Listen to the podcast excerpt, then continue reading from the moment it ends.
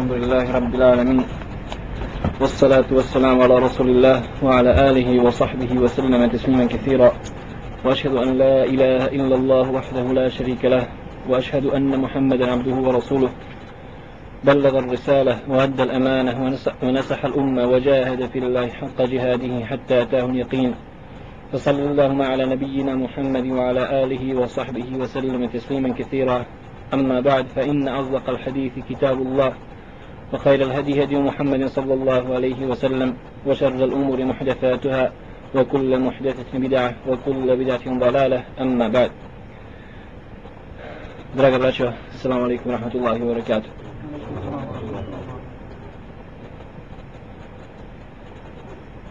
Kao što smo se dogovorili, mi ćemo inšallah ta'ala odpočeti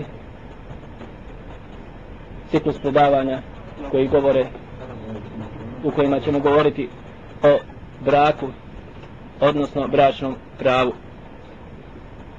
osnovu za ova naše predavanja uzet ćemo knjigu komentar znači Zadu Mustakna od Ibn Kudame El Magrisija Rahmatullahi Aleyh koji živi u 7. stoljeću po Hidži i koji inače napisao ovo djelo na osnovu hanbelijskog mezheba mada ćemo govoriti i spominjati šta kažu učenjaci i ostalih šerijatskih pravnih škola.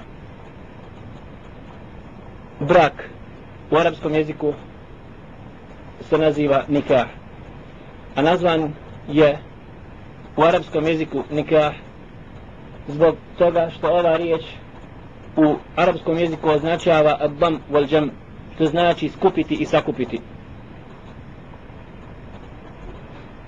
gdje sasvim se vidi logično zašto je nazvan brak nikahom koja označava ovu, koja označava znači skupljanje i sakupljanje kao da muž i žena koji stupe u brak jedno drugome se prigrle i priljube, priljube i skupe se jedno drugome kao što se drveće isprepleće jer se u arapskom jeziku zove tenake hatil ažaru kada se isprepleću drva ili drveće grane jedne sa drugima.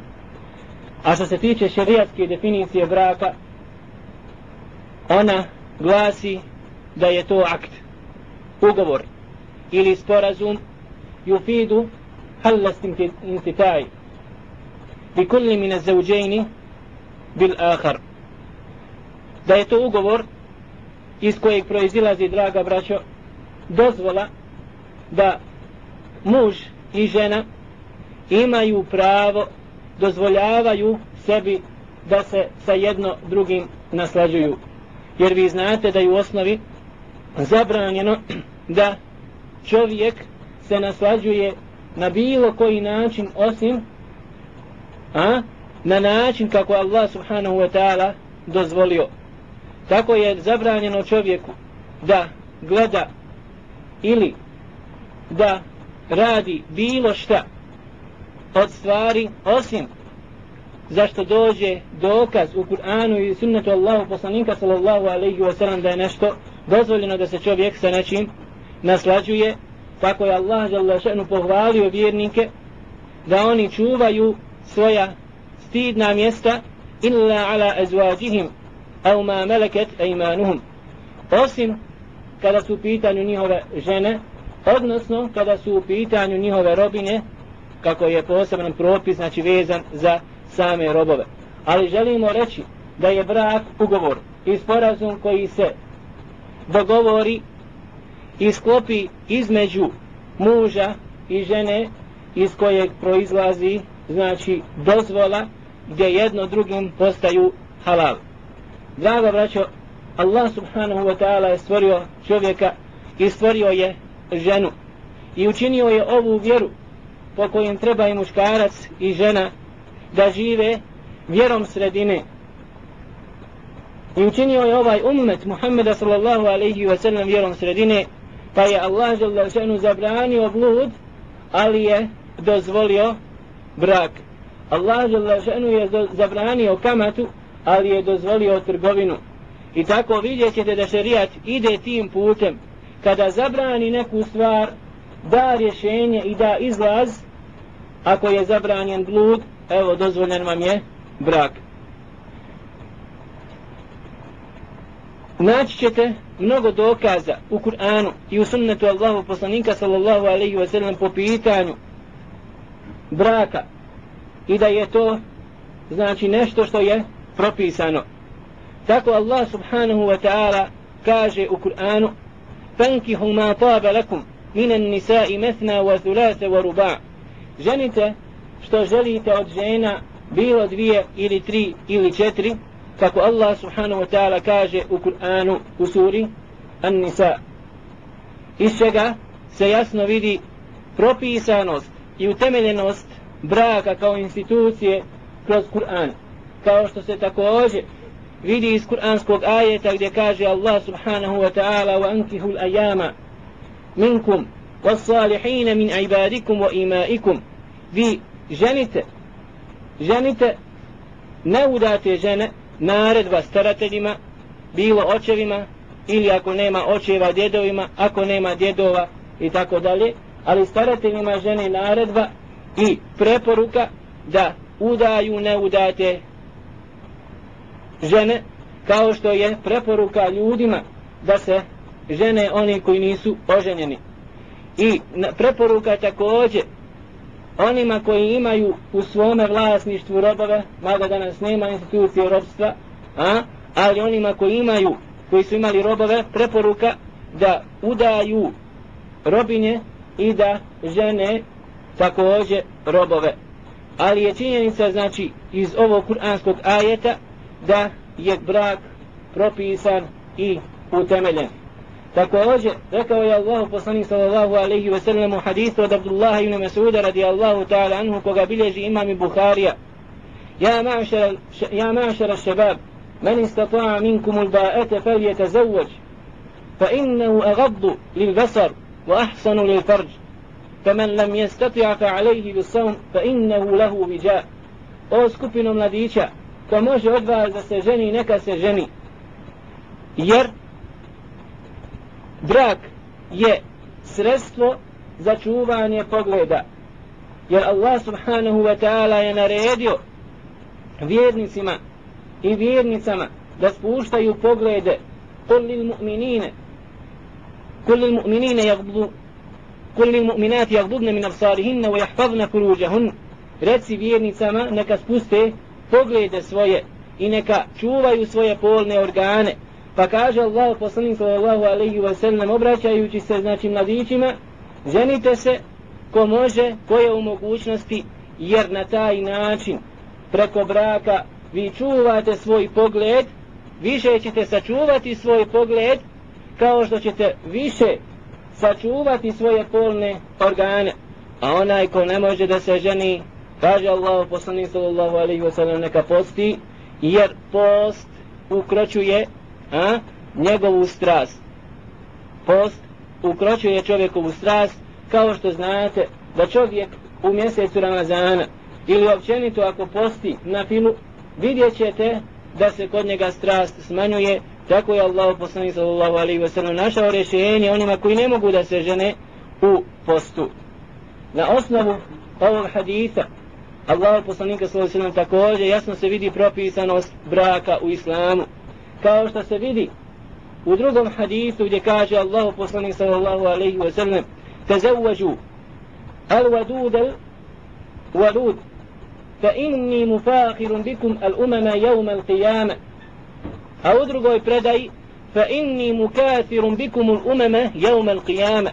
A u trećoj predaji fa inni mubahim bikum gdje kaže Allah poslanik sallallahu alaihi wa sallam ženite žene koje vam se sviđaju i koje volite koje su ljubke i privlačne za vas. I ženite kaže Allah poslanik sallallahu alaihi wa sallam rotkinje žene koje mogu rađati jer cilj, jedan od najvećih ciljeva braka jeste potomstvo. Jeste potomstvo jer kaže Allah poslanik sallallahu alaihi wa sallam ja ću se ponositi. U onoj jednoj predaji kako smo spomenuli ja ću se ponositi vašom brojnošću. U jednoj predaji ja ću znači govoriti drugim narodima kako imam najviše sljedbenika kako je moj umet najbrojniji na sudnjem danu Jeste, draga braćo, na osnovu ovoga jasno se vidi propisanost braka u islamu. Jer rekli smo, islam je vjera sredine. Islam ne zagovara celibat kako su oni kršćani propisali sebi, njihovi popovi i njihovi paroci i njihovi monasi, da im je zabranjeno da se žene warahbanijeten ibtada'uha kaže Allah subhanahu wa ta'ala da to isposništvo njihovo koje su oni sebi propisali oni su sebi to izmislili oni su uveli novotariju u svoju vjeru mi nismo to propisali. Nije im Allah subhanahu wa ta'ala zabranio da se žene nego su oni to izmislili zato vidimo iz Kur'ana vidimo iz sunnata Allahu poslanika sallallahu alaihi wa sallam draga braćo utemeljenost utemeljenost braka kao što je i opće poznata stvar u praksi Allahu poslanika sallallahu alaihi wa sallam koji je imao šta? 11, 11 žena. Islamski učenjaci govore o određenim mudrostima koje povlači i nosi sa sobom institucija braka. Jedna od tih mudrosti jeste, draga braćo, da čovjek se sačuva od harama i da čovjek zadovolji svoje strasti koje Allah subhanahu wa ta'ala u njemu stvorio na halal i na dozvoljen način. I toga čovjek se ne treba stidjeti i treba razumjeti Allahove subhanahu wa ta'ala propise i Allah žele se nastidi u Kur'anu da spomene, spomene i propise određeni koji su vezane za odnos i propise koji su vezane za menstruaciju i za nifaz i tako dalje. Pa kažemo, jedan od najvećih jedan od ciljeva i svrha i mudrosti braka jeste da čovjek znači se zadovolji na dozvoljen način.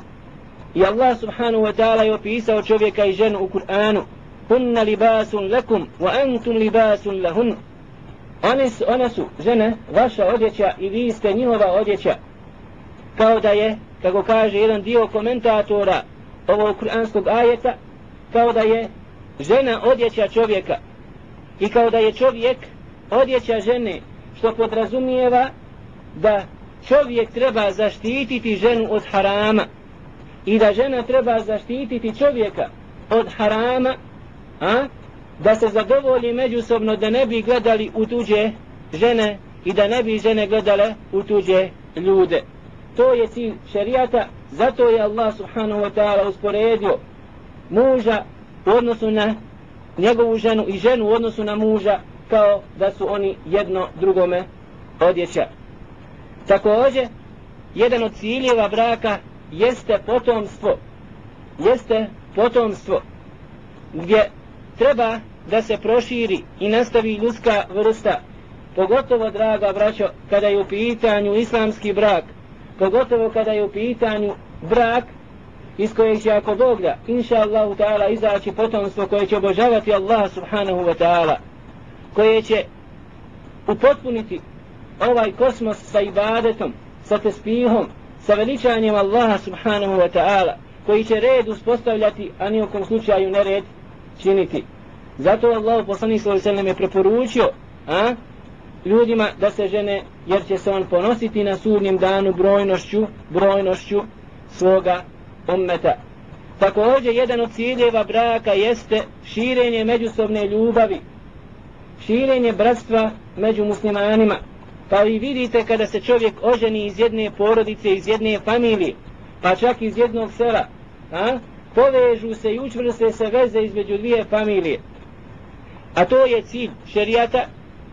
Islam hoće ljubav, hoće međusobno poštovanje, međusobno potpomaganje, i uzima sve dunjalučke uzroke. Islam da bi zbližio dva brata muslimana da bi zbližio dvije familije, dva plemena i tako dalje.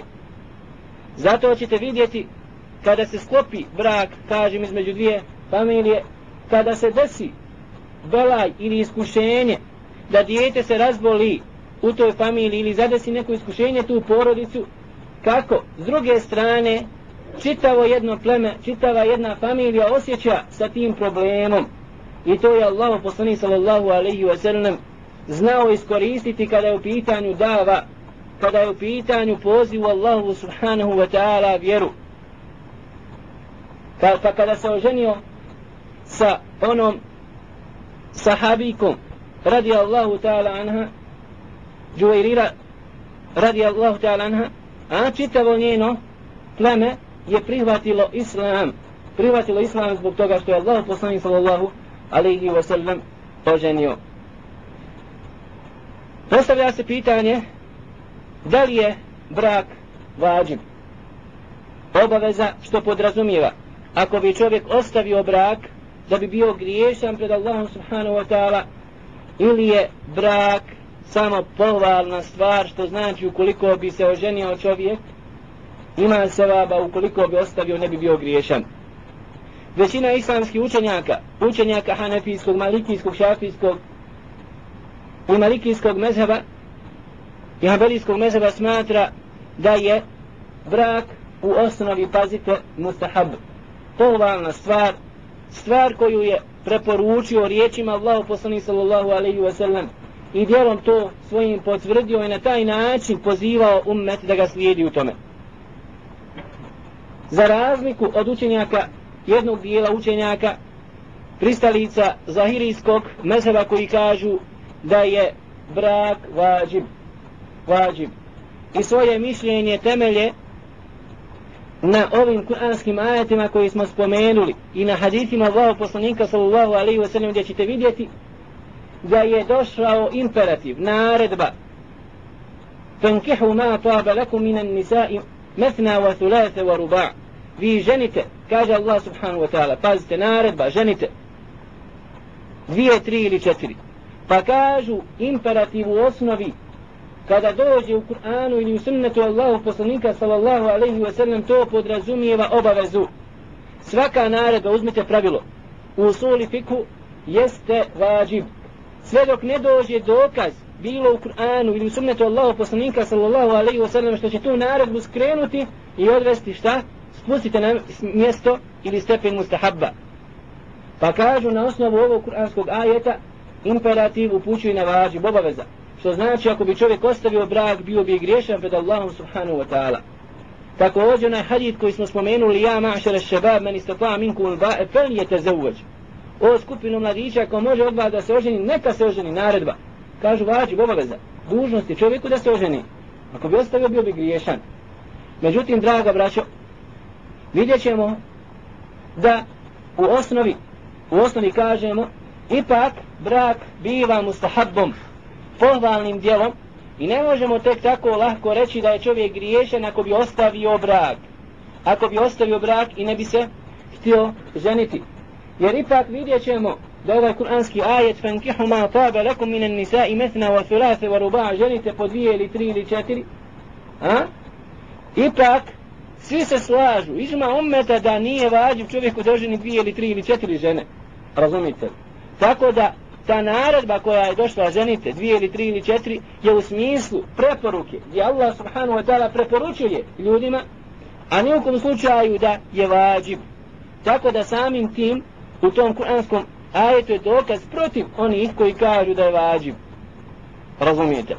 Tako da kažemo u osnovi, u osnovi pazite, pohvalno je i musahab čovjeku da se oženi. Međutim, brak od situacije do situacije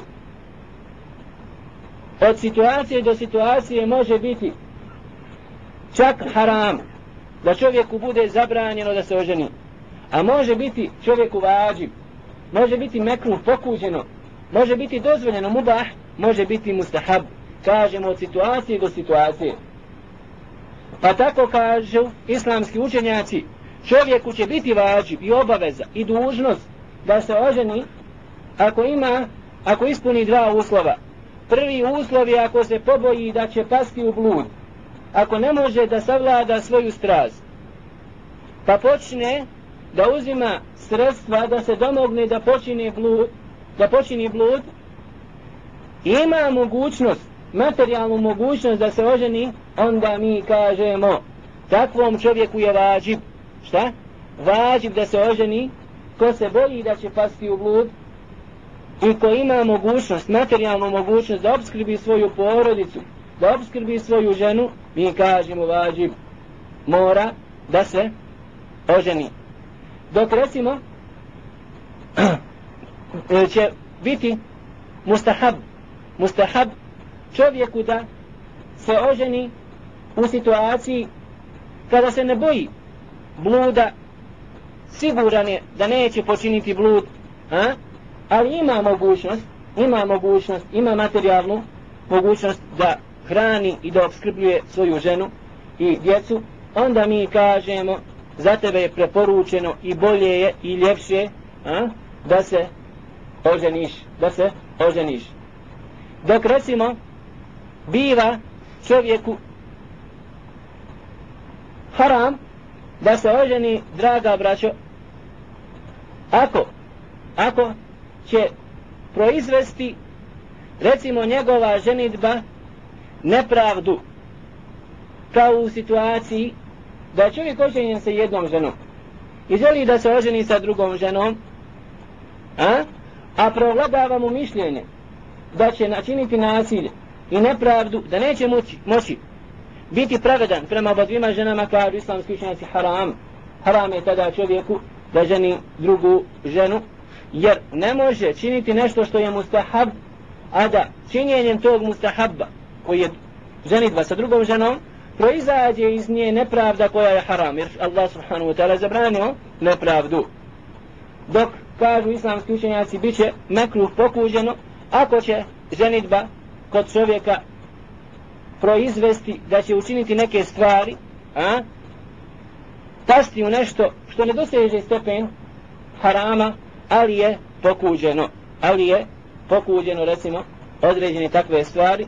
A mubah, a mubah biva čovjeku dozvoljeno onako bez preporuke onaj ako možda nema mogućnost ne provladava mišljenje da ima mogućnost neku materijalnu ali želi da se oženi siguran da neće počiniti blud ali eto želi da se oženi što prije i tako dalje onda kažemo nema problema u osnovi da čovjek se oženi na takav jedan način.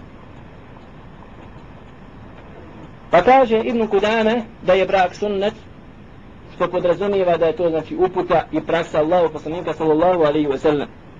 Pa kaže da je brak brak sa strašću preći i bolji kod Allaha subhanahu wa ta'ala od činjenja dobrovoljnih nafila. Od činjenja, činjenja dobrovoljnih nafila i na ovom stanovištu stoji većina islamskih učenjaka da je brak što podrazumijeva draga braćo pazite odnos, polni odnos sa svojom ženom prvenstveno a? boli i draži Allahu subhanahu wa ta'ala od dobrovoljnih napila, draži od noćnog namaza draži od dobrovoljnog posta draži od mnogobrojnih šta? Dobrovoljnih dobrovoljnih napila, i ovaj stav ovo mišljenje zastupa većina islamskih učenjaka. Jer kažu da u osnovi u osnovi čovjek na taj način štiti svoju vjeru od velikih stvari i velikih grijeha poput bluda na taj način zaštiti sebe i svoju ženu od harama. Zato ćete vidjeti kad islamski učenjaci govore i po pitanju naslađivanja žene i muža. Kažu osnova po tom pitanju biva gledajući na cilj šerijata a, da je čovjeku dozvoljeno da se naslađuje sa svojom ženom i ženi je dozvoljeno da se naslađuje sa svojim mužem sa svim stvarima i na svaki način osim što, na što dođe dokaz u Kur'anu ili sunnetu Allahu poslanika sallallahu alaihi wa sallam da je zabranjeno da se čovjek naslađuje sa svojom ženom.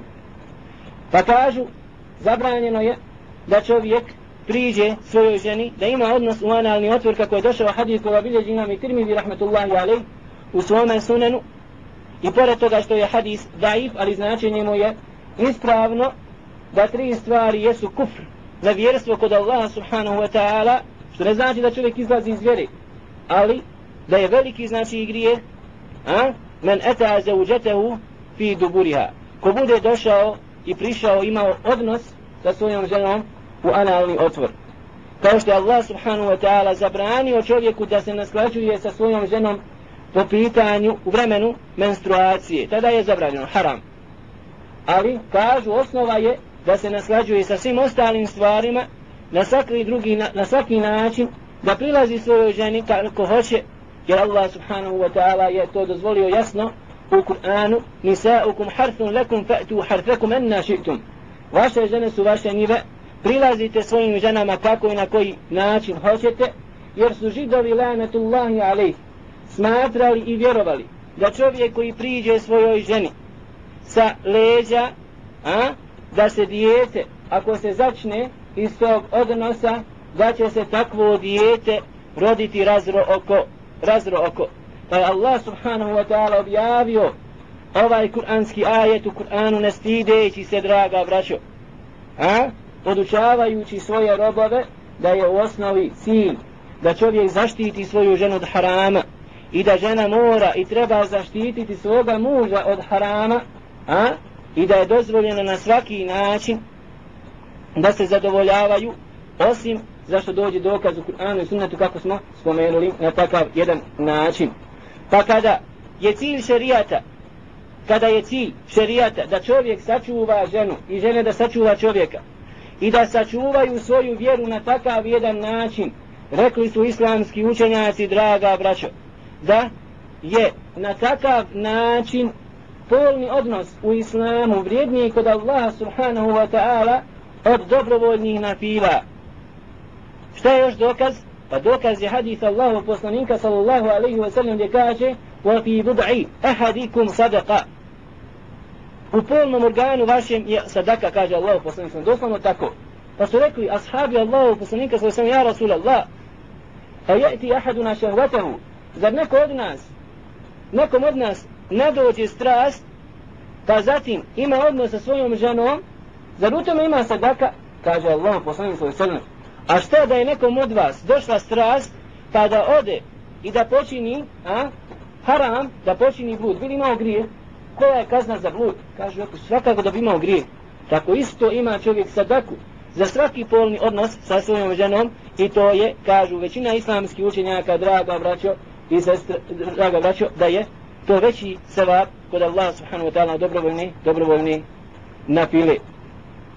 Kaže jedan dio stan učenjaka šafijskog mezheba da nije brak, odnosno polni odnos, bolji od dobrovoljnih napila, jer kažu to je dunjaluk. To je dunjaluk kojim Allah subhanahu wa ta'ala iskušao ljude i uzimaju dokaz kuranski ajet koji smo ispominjali u prošlom našem predavanju, زين للناس حب الشهوات من النساء والبنين والقناطير المقنطرة من الذهب والفضة ذكرها القرآن سورة آية uzimaju dokaz pa kažu uljepšan je ljudima dunjaluk. Dunjaluški ukrasi na prvom mjestu žene. Kažu Allah subhanahu wa ta'ala spomenuo žene u kontekstu fitne, iskušenja i naslađivanja dunja, dunjalukom. A? Pa kako može naslađivanje dunjalukom biti bolje od ibadeta? Međutim, ispravno mišljenje i kako smo rekli većine islamskih učenjaka jer nije to samo čisto dunjalučko naslađivanje nego, nego draga braćo, brak brak ima svoj vjerski aspekt vjersku stranu ali ima isto tako i dunjalučku. Zamislite čovjeka pogotovo čovjeka recimo da oženi udovicu koju ima, koja ima djecu. Da prečisti svoj nijet i da mu bude nijet da obskrbi recimo jetime. Jedno ili dvoje djece. Ili čak općenitu udovicu koja je ostala nakon svoga muža. I sa tim nijetom da je oženi zamislite koji je to sevap koja je, koji je to ibadet kod Allahu subhanahu wa ta'ala kada je rekao Allahu poslanik wa sallam ana wa kafilu yatimi ka hatain fil dženne a? ja i onaj koji bude obskrbio jetima smo kao ova dva, dva prsta u džennetu ovako je pokazao Allahu poslanik wa sallam Tako da moramo priznati da brak u osnovi ima svoju i vjersku stranu, ali se stvar vraća prvenstveno, prvenstveno na nijet, nijet svakog čovjeka.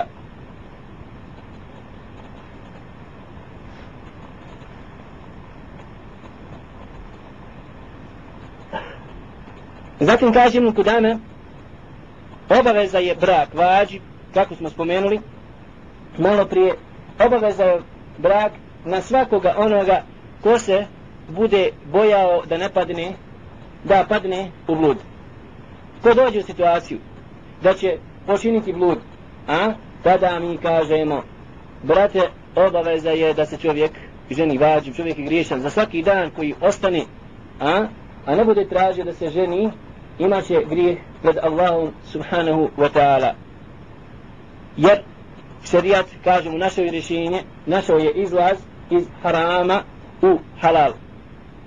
Čak ćete vidjeti, čak ćete vidjeti da čovjek dođe u iskušenje, a, da počini blud, islamski učenjaci daju tada rješenje i olakšicu kako je bila fetva i Ahmeda ibn Hanbala rahmetullahi alaihi da čovjek čak posegne za manjim a, haramom koji je u takvoj jednoj situaciji kao što je masturbacija u odnosu na blud samo da čovjek ne padne u haram. Ali kažemo kažemo u osnovi draga braćo vađiv biva čovjeku svakom onome koji ima mogućnost i boji se da ne zapadne u blud da se ženi. Pa spominje nakon toga imam Ibn Kudama rahmetullahi alejh određene stvari koje su pohvalne da se nađu kod žene. Pa kažu sunnet je da se čovjek oženi sa jednom ženom. Ne znači to, draga braćo, ne znači to da Ibn Kudama ne vidi propisanost više ženstva, ne. Nego se podrazumijeva da je to najmanji mustahab da je to najmanji vid zadovoljavanja sunneta Allahu poslanika sallallahu alaihi wa sallam pa s te strane spominje takvu jednu stvar. Zatim treba da čovjek gleda vjeru. Sunnet je da čovjek gleda vjeru kod svoje žene.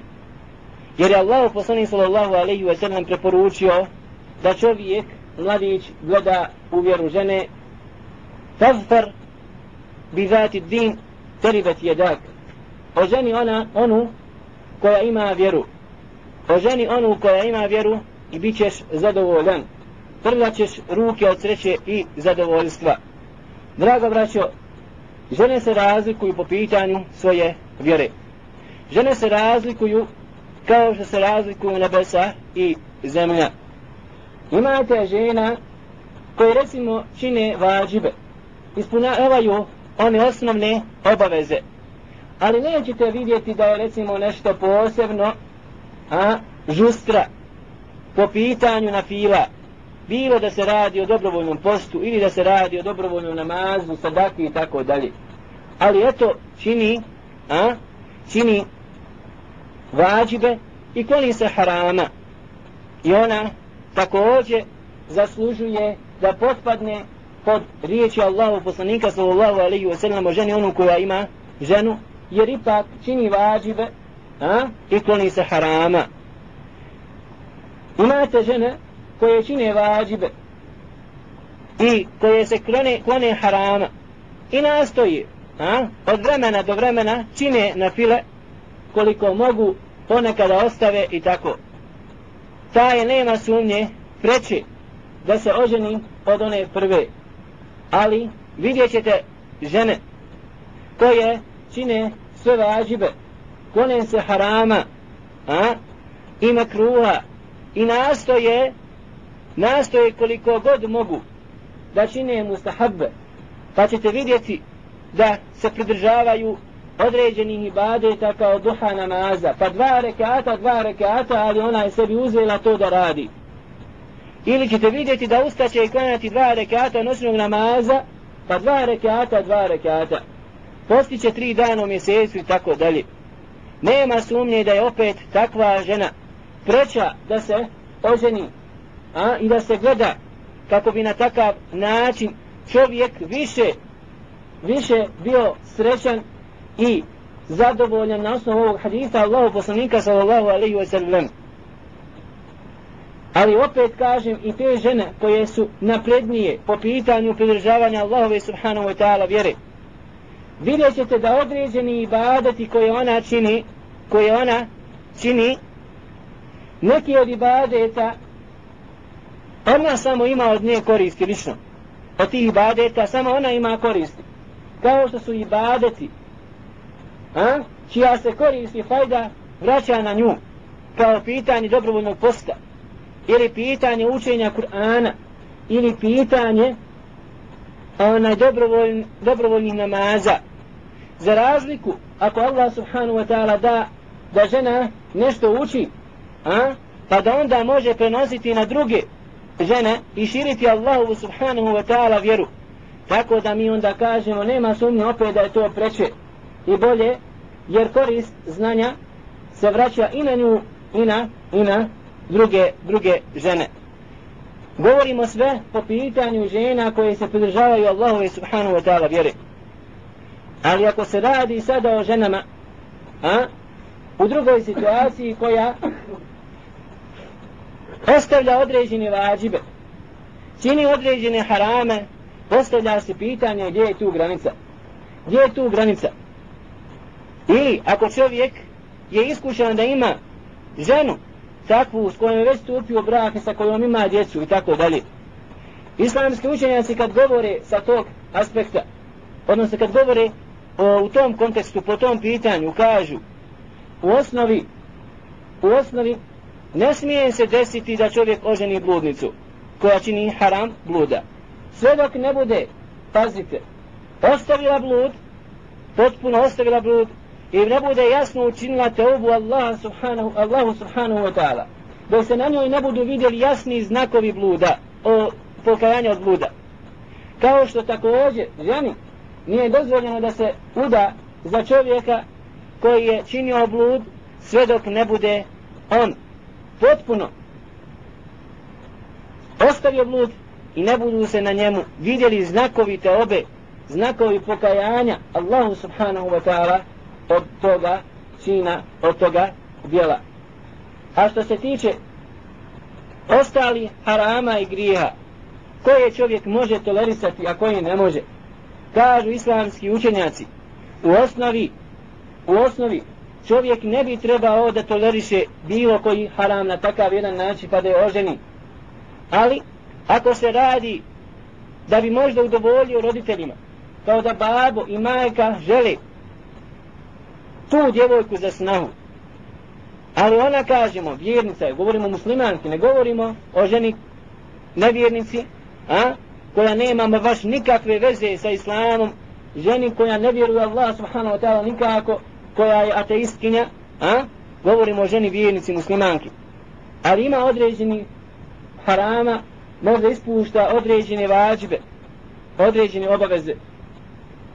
Ali zbog roditelja čovjek možda želi da udovolji roditeljima i da posluša roditelje, je islamski učenjaci govore sa tog aspekta da roditelji imaju ulogu, značajnu ulogu u braku i da čovjek gleda da udovolji roditeljima sa tog jednog aspekta. Pa ako bi želio da udovolji roditeljima, kažu islamski učenjaci gledaće da li te grije koje ona čini i dostavlja vađibe, da li se oni prenose, imaju uticaja uticaja na porodicu i na djecu. Ako ima uticaja, onda kažemo, ne, ne treba čovjek da oženi takvu jednu ženu.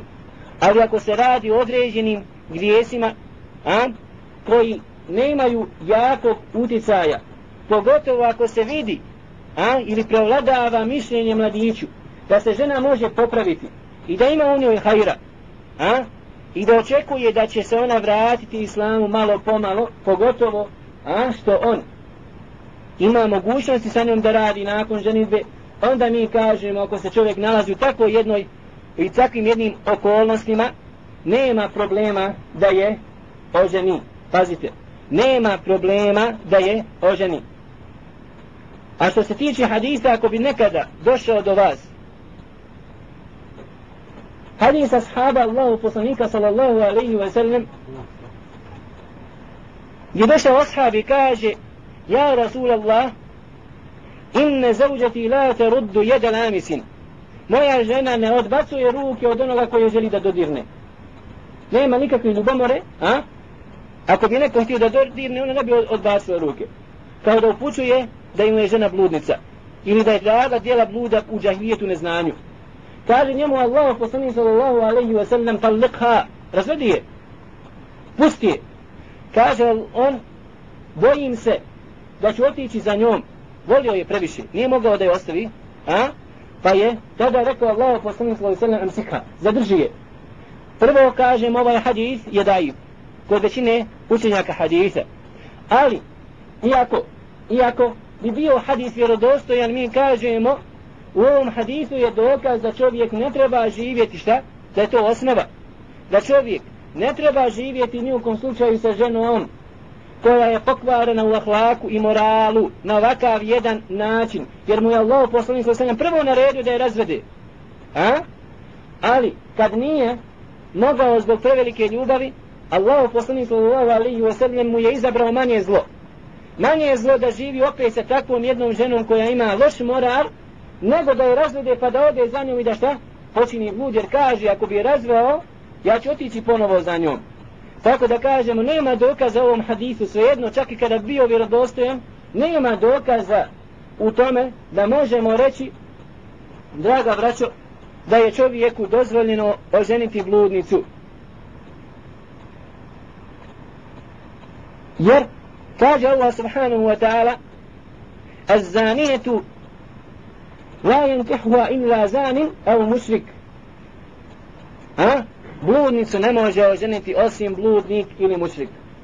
Ima više komentara ovog kuranskog ajeta i sure Nur. Ali jedno od značenja i vrlo jakih značenja jeste da ne može oženiti bludnicu osim bludnik i mušrik. Kao kada bi čovjek oženio bludnicu, znao da je ona bludnica i opet je oženi, a, on automatski postane bludnik svejedno što on nije počinio blud i što se šarijatski vjenčao.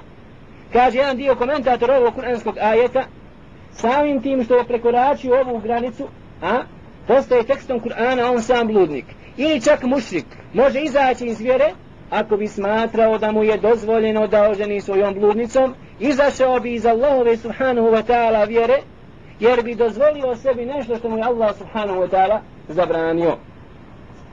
Zato kažemo moramo napraviti razliku po pitanju ovih stvari i da čovjek zna da u osnovi nije mu dozvoljeno nije mu dozvoljeno oženiti bludnicu osim osim da se ona jasno da ona ostavi blud i da se pokaje Allahu subhanahu wa ta'ala i da se pokaje Allahu subhanahu wa ta'ala i onda nema problema nema problema da je oženi ili ona da se uda za tog mladića, jer bilo je određeni takvih pitanja, određeni takvih pitanja, pogotovo ljudi koji su živjeli svakakvim životom, bilo prije braka ili čak u braku, pa se vrati Allahovoj subhanahu wa ta'ala vjeri. Draga braćo, niko nema pravo da zapriječi čovjeku put ka džennetu, a? I da na takav jedan način rasturi se porodica, ako se ljudi pokaju i vrati Allahu subhanahu wa ta'ala, Allah je milostivan, veoma je bitna stvar teobe i ostavljanja djela. I ostavljanja djela. Ali, u osnovi, vraćamo se ponovo na tu osobinu koja bi se trebala naći kod žene, a to je stvar, to je stvar vjere. To je stvar vjere koja je najvažnija. Nakon toga nema problema da čovjek traži ženu koja je recimo sa ugledom žena koja je sa ugledom. Nema problema da čovjek traži a i ženu koja je bogata. Nema zapreke da čovjek traži ženu koja je lijepa. Ako čovjek može spojiti te stvari a svjetlo nad svjetlima nema problema da čovjek spoji onaj udobno sa korisnim. Ali, kaže jedan od učenjaka, savjetujući, savjetujući, draga braćo, mladića, a, oženi ženu, tanzur fi jedike, wala tanzur fi jediha. Oženi ženu koja će gledati u tvoju ruku, a nemoj ženiti ženu u čiju ćeš ti ruku gledati. Šta to znači? Oženi ženu od koje ćeš ti biti bogatiji, a koja je siromašnija od tebe na manjem stepenu od tvog materijalnog stanja. A nemoj ženiti ženu u čiju ćeš ti ruku gledati u čiju ćeš, u čiju ćeš ti ruke zavisiti. Jer ako ti dođe žena koja je bogatija od tebe, a, neprestano će ti ili može ti, ako nema jakog imana, nabijati na nos, moj babo, to, moja mama, mama, ovo, ja sam bogatija, ja sam ovakva i onakva i tako dalje. Oto da učenjaci hanefijskog mezheba uslovljavaju prilikom braka da bude kefae, a? da budu muž i žena približno istog nivoa i po pitanju položaja i po pitanju ugleda i po pitanju ljepote i po pitanju intelektualne nadgradnje jer ako čovjek koji je pametan ili žena koja je pametna oženi čovjeka koji je manje intelektualnog nivoa od nje ili obratno a? Može doći do raskida kasnije braka i do belaja u porodici. Ili čovjek koji je ljepši oženi ženu koja je a, ružnija. Može također biti jedan od velikih uzroka rasturanja porodice. Ili žena koja je a, prelijepa uda se za čovjeka koji je ružniji. Ako nema vjere u takvim situacijama jake vjere a, koju je Allah poslani sallallahu alaihi wa sallam na prvom mjestu stavio. Draga braćo često puta ispadaju problemi. Rasturanje porodica i onda pucaju brakovi na sav mar zato vidite kod u džahilijeskim brakovima kod ljudi koji ne poznaju Allahu subhanahu wa ta'ala vjeru žene koje ne znaju šta znači haram koji ne znaju šta znači blud a? Kad se desi takav određen jedan brak nije zadovoljna sa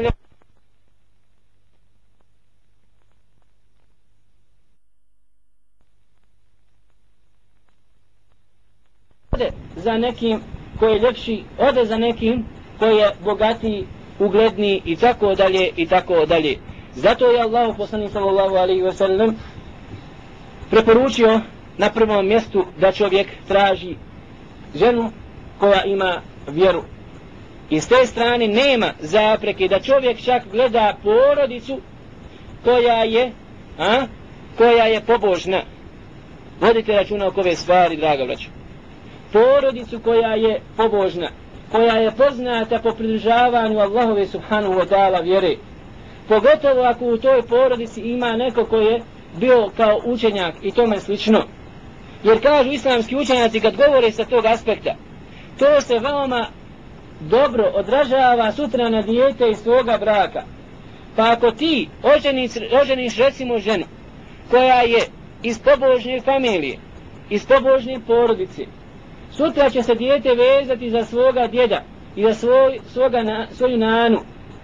Pa će se pitati zašto njegov dedo je takav kakav je. Pogotovo ako je učenjak ili poznat po tim stvarima a, sa tog aspekta vjere. Sutra će to biti jedan veoma veliki uzrok da samo to dijete poželi da bude učenjak kao njegov djed. A ti možeš izabrati ko će mu biti majka. Ti možeš izabrati svome djetetu ko će mu biti djed, ko će mu biti nena. Zato Ibn Kudame spominje kod učenjaka Hanbelijskog mezheba da je pohvalno da čovjek oženi ženu koja nema majke. Ženu, a, koja nema majke da oženi ženu kako ne bi imao punicu. Spominju tu islamski učenjaci.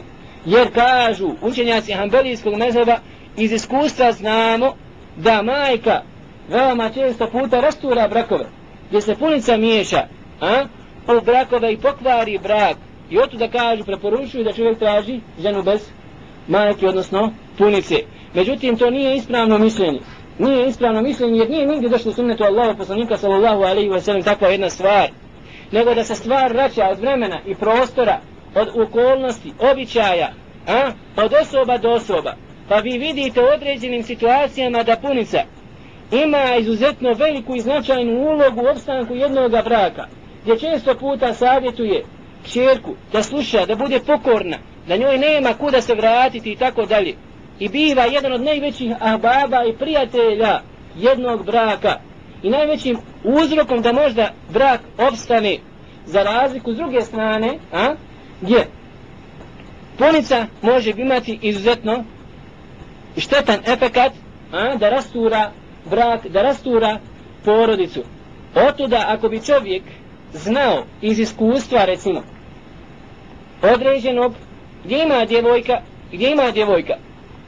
Ali njena majka je poznata na osnovu iz iskustva njeni starijih sestara koje su već poudate da se miješala u brak i rasturala brakove kao islamski učenjaci sa tog aspekta ko već ima određene naznake da je ta žena, njena majka se miješala i upličala u brak, preće mu je da ostavi takvu ženu i da traži drugu familiju i da traži drugu porodicu.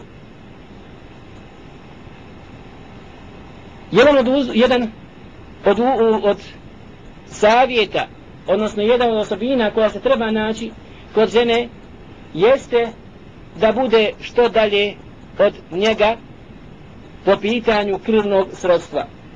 To je mišljenje jednog dijela učenjaka. Pa kažu bolje je i ljepše je da čovjek kada želi oženiti ženu ide što dalje od svoga krvnog srodstva, da ne ženi ženu sa kojom je u rodbinskim odnosima. Kad kažemo u rodbinskim odnosima, podrazumijevamo rodbinu koju Allah subhanahu wa ta'ala dozvolio čovjeku da oženi. Jer imate rodbina koju Allah subhanahu wa ta'ala zabranio čovjeku da ženi i o tim detaljnim stvarima inša Allah ta'ala govorit ćemo možda ako nas Allah poživi za neka tri ili četiri predavanja. Govorit ćemo što je Allah subhanahu wa ta'ala zabranio čovjeku da oženi od rodbine. Ali imate rodbinu recimo koju Allah subhanahu wa ta'ala dozvolio čovjeku da oženi u smislu da žena mu je rodbina. A? I spada u rodbinu koju, s kojom čovjek treba održavati rodinske veze i u krvnom je srostu, ali u osnovi mu je dozvoljena. Pogotovo ta stvar je poznata u praksi islamskog svijeta danas među Arapima, a za razliku u našim prostorima gdje je ta stvar onaj, na neki način isprepletana sa adetom, sa običajem, običajem, onaj, gdje naravno kad govorimo sa stanovišta šerijata, čovjek mora biti oprezan i mora vjerovati da je halal. Ono što je Allah subhanahu wa ta'ala dozvolio, a? I da je haram ono što Allah subhanahu wa ta'ala zabranio, a sada, ako čovjek ne vidi ili mu to nije prirodno, na neki način, zbog običaja ili zbog koline u kojoj je uzrastao i odrastao, mi kažemo, niko te ne tira da tako nešto uradiš, a? ali je stvar tvoga ubjeđenja, da vjeruješ da je hal, Allah subhanahu wa ta'ala da je halal dozvoljeno ono što Allah subhanahu dozvolio ili da je haram ono što Allah subhanahu wa ta'ala zabranio pa kaže jedan dio islamskih učenjaka bolje je i ljepše a, i preće da čovjek ženi ženu koja mu je daleko koja nije od njegovog srodstva. I spominju to čak doktori od prvih vremena islama kao što govore i danas a doktori, pogotovo doktori koji se bave genetikom, pa kažu da brakovi iz krvnog srodstva veoma često puta zna se roditi dijete degenerik, a sa određenim fizičkim mahanama, fizičkim mahanama. I shodno tome, islamski učenjaci govore, kažem jedan dio njih, da je preći da čovjek oženi e, ženu što dalje a? sa tog jednog aspekta. Međutim, draga braćo, nigdje nećete naći u šarijatu sa tog jednog aspekta potvrdu da je bolje da čovjek a, ženi ženu koja mu je dalje od njega, od njegovog krvnog srodstva. Čak naćete suprotno nešto i u sunnetu Allahu poslanika sallallahu alaihi wasallam i u praksi ashaba Allahu poslanika sallallahu alaihi wa gdje recimo sam Allahu poslanika sallallahu oženio odnosno dao svoju čerku Fatimu za svoga Amidžića Ali ibn Abi Taliba radi Allahu ta'ala anhu. Pa, islamski učenjaci, govorim za mentalitet arapskog svijeta, kad govori gdje je ta stvar poznata i opće prihvaćena, oni govore da takav jedan brak a, a, ima svoje prednosti. Gdje svoje, takav jedan brak ima svoje prednosti, ali bilo kako bilo, ne želimo puno oko toga se sada a, zadržavati, želimo reći da nema problema ako čovjek želi da ide što dalje od svoje od svoga krvnog srodstva, nema problema, ali ako negdje vlada propis a, da se ženi rodbina koja naravno nije bližna rodbina, nego dalja rodbina koja Allah subhanahu wa ta'ala dozvolio, mi isto tako kažemo, ne može niko doći i reći zabranjeno je, jer Allah subhanahu wa ta'ala, ako je nešto dozvolio, onda nema niko pravo reći da je to haram. Kao što je Allah poslanik sallallahu alejhi ve preporučio preporučio da čovjek oženi ženu koja je djevica. Da oženi čovjek ženu koja je djevica. Pa kaže Allah poslanik sallallahu alejhi ve sellem tazawwaju al-wadud al-walud. Oženite žene, a? Oženite ženu koja je fina, koja vam se sviđa, a koja je prijatna u tom smislu, koju ćete voliti i koja koja ne koja da to je drugi dokaz kasnije Allah pogriješio sam. Dokaz za ovo je hadith od Džabira. E, hadith od Džabira radi Allahu ta'ala anhu koji se vraćao sa povoda. A sa Allahom poslanikom sallallahu alaihi wa sallam pa je obavijestio Allahu poslanikom sallallahu alaihi wa sallam da se oženio pa mu rekao Allahu poslanik sallallahu alejhi ve sellem: hel tazawwajta bikra fatulaibuha wa tulaibuk. Što nisi oženio ženu koja je djevica jer je ono oženio ženu koja je udovica. Zašto nisi kaže oženio ženu koja je djevica pa da ona tebe zabavlja i da ti nju zabavljaš? Otuda kaže jedan dio islamskih učenjaka da je preče i bolje i ljepše da čovjek oženi ženu koja je djevica. Međutim međutim kaže drugi dio islamskih učenjaka nema problema nema problema da čovjek oženi djevojku odnosno ženu koja je koja je udovica ili raspuštenica. Vraća se stvar od situacije do situacije. Jer Džabir radi Allahu ta'ala anhu je oženio ženu koja je bila udovica zbog svojih sestara. Džabir imao sestre a njegov babo je poginuo bici na uhudu. Pa su ostala mala dječica. Ostale su njegove sestre, a s obzirom da žena koja je recimo udovica i koja je starija, ima više iskustva po pitanju obođenja prema djeci i odgoju djece, tako je prosudio Džabir pa je oženio ženu udovicu. Pa kažu islamski učenjaci, sa tog jednog aspekta, ako se čovjek ukaže potreba da ima recimo on djecu a, iz prvog braka ili? Da su ostala djeca koje, kome je žena preselila. I takve određene situacije nema zapreke da čovjek oženi udovicu ili raspuštenicu. Pogotovo draga braću da čovjek oženi ženu. Da čovjek oženi ženu koja ima svoju djecu jetime, siročar kako smo rekli s obzirom veliku nagradu koja je došla u sunnetu Allahog poslanika sa sam po tom pitanju. A što se tiče